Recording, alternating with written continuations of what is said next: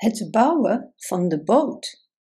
Nu ik mijn geest er een beetje in had getraind om me bij mijn lot neer te leggen en er maar zoveel mogelijk van te maken, keek ik niet meer voortdurend over de zee uit naar een schip, maar probeerde ik een manier van leven te vinden om het mezelf zo makkelijk mogelijk te maken. Mijn woning bestond uit een tent onder de zijkant van een rots.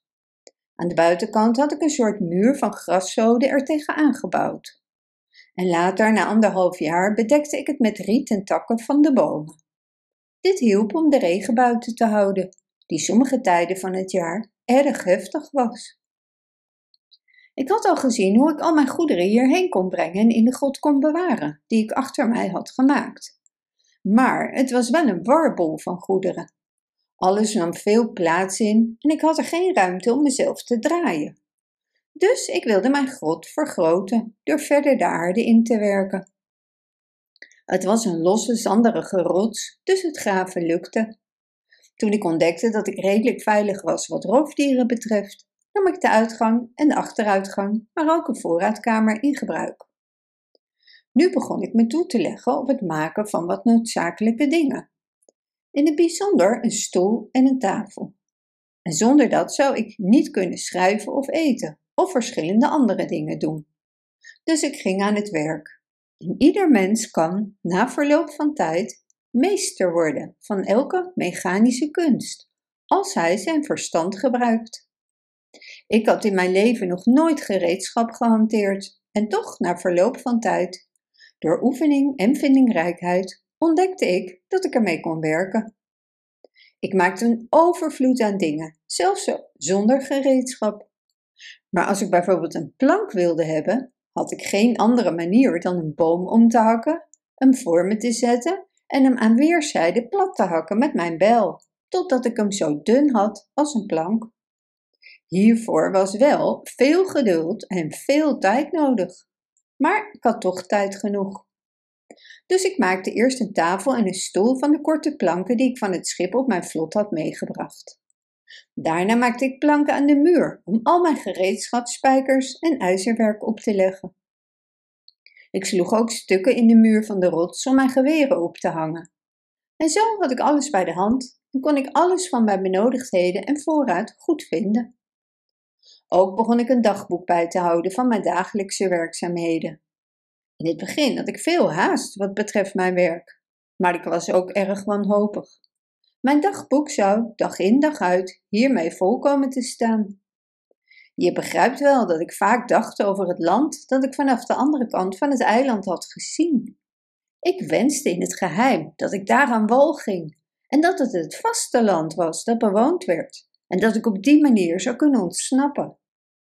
Ik hield daarbij geen rekening met de gevaren van een dergelijke onderneming.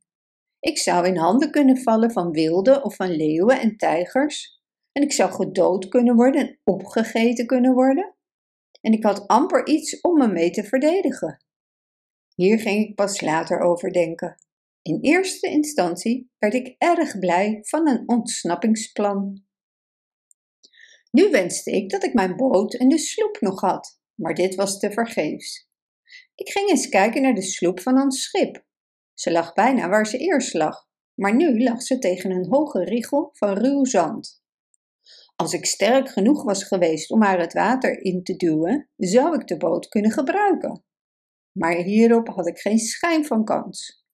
Ik ging naar het bos en hakte hendels en rollen los en bracht ze naar de boot, vastbesloten om te proberen wat ik kon. Ik dacht bij mezelf dat als ik de schade kon herstellen, het een hele goede boot zou zijn waarmee ik de zee op kon. Drie of vier weken lang werkte ik zo hard als ik kon, maar het lukte niet om de boot los te krijgen en in het water te duwen. Ik had te weinig kracht. Ik gaf de hoop op de boot op, maar mijn verlangen om naar het vasteland te gaan werd steeds groter. Ten slotte begon ik te denken of het niet mogelijk was om voor mezelf een kano te maken, zoals de inboorlingen ook deden, zonder gereedschap. Dit leek me niet onmogelijk en zelfs een geweldig idee. Het enige wat ik lastig zou vinden was als de kano klaar was, dat ik deze in mijn eentje het water in moest krijgen. Dan had ik wel de boom gevonden, die met veel moeite gekapt, de boom van binnen uitgehold en er een boot van gemaakt, maar dan was ik niet in staat om de kano het water in te krijgen. Dat zou een enorme teleurstelling zijn. Maar tijdens het maken dacht ik hier niet verder over na. Mijn gedachten waren gericht op de reis over zee. Maar de reis over land zou misschien nog moeilijker zijn dan de reis over zee. Ik ging aan deze boot werken. Het was misschien wel het meest dwaze dat ik ooit als man deed. Ik was tevreden met het ontwerp en dacht: ik ga eerst de boot maken en daarna garandeer ik mezelf dat ik een manier zal vinden om hem in het water te krijgen. Dit was misschien een rare manier van denken, maar mijn fantasie had de overhand genomen. Ik hakte een hele grote, dikke cederboom om en ik was hier twintig dagen mee bezig. En daarna was ik nog veertien dagen met de takken bezig. En toen kostte me het een maand om er een model in te krijgen. En ik had drie maanden nodig voor de binnenkant. Ik werkte alleen met hamer en bijtel. En toen had ik een boot, groot genoeg voor 26 mensen.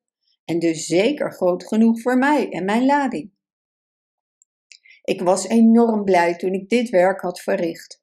De boot was groter dan elke kano die ik ooit had gezien. En als ik hem in het water zou krijgen, zou dit de meest onwaarschijnlijke reis worden die iemand ooit heeft ondernomen. Maar al mijn pogingen om de kano in het water te krijgen faalden. Verder dan 100 meter het water in kwam ik niet. Om de moed erin te houden besloot ik aarde weg te graven en zo een helling te maken. In dit werk deed pijn aan mijn armen, maar voor een verlossing had ik alles over.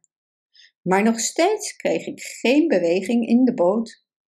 Toen bedacht ik het plan om een kanaal te maken, zodat het water naar de boot kon stromen. Maar voordat dat mij, voordat dat mij zou lukken, zouden er tien lange jaren voorbij zijn. Dus met grote tegenzin gaf ik ook dit plan maar op. En dit deed me veel verdriet. Ik zag te laat de dwaasheid van mijn plan.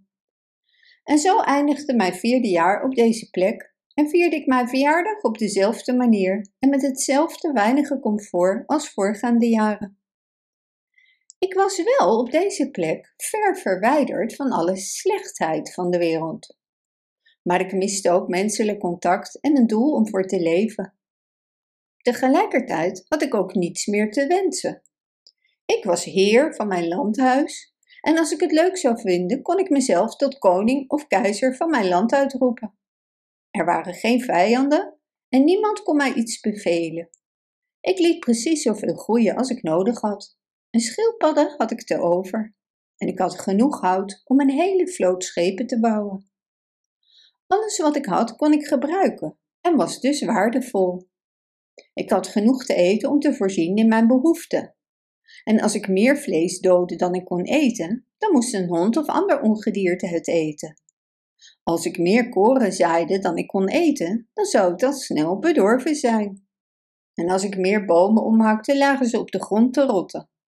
Ik kon ze alleen gebruiken als brandstof. En eten en aankleden was het enige wat ik verder moest doen.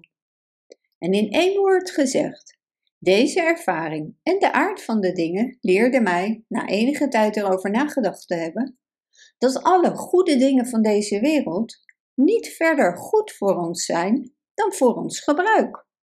En dat we, wat we ook verzamelen voor anderen, alleen kunnen genieten van dat wat we kunnen gebruiken en niet van meer.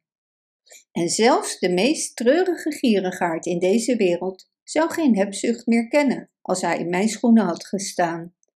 Ik bezat namelijk oneindig veel meer dan dat ik ooit zou kunnen gebruiken. Bedankt voor het luisteren. Wist je dat je dit verhaal ook op onze website ririro.com/nl kunt lezen, downloaden en printen?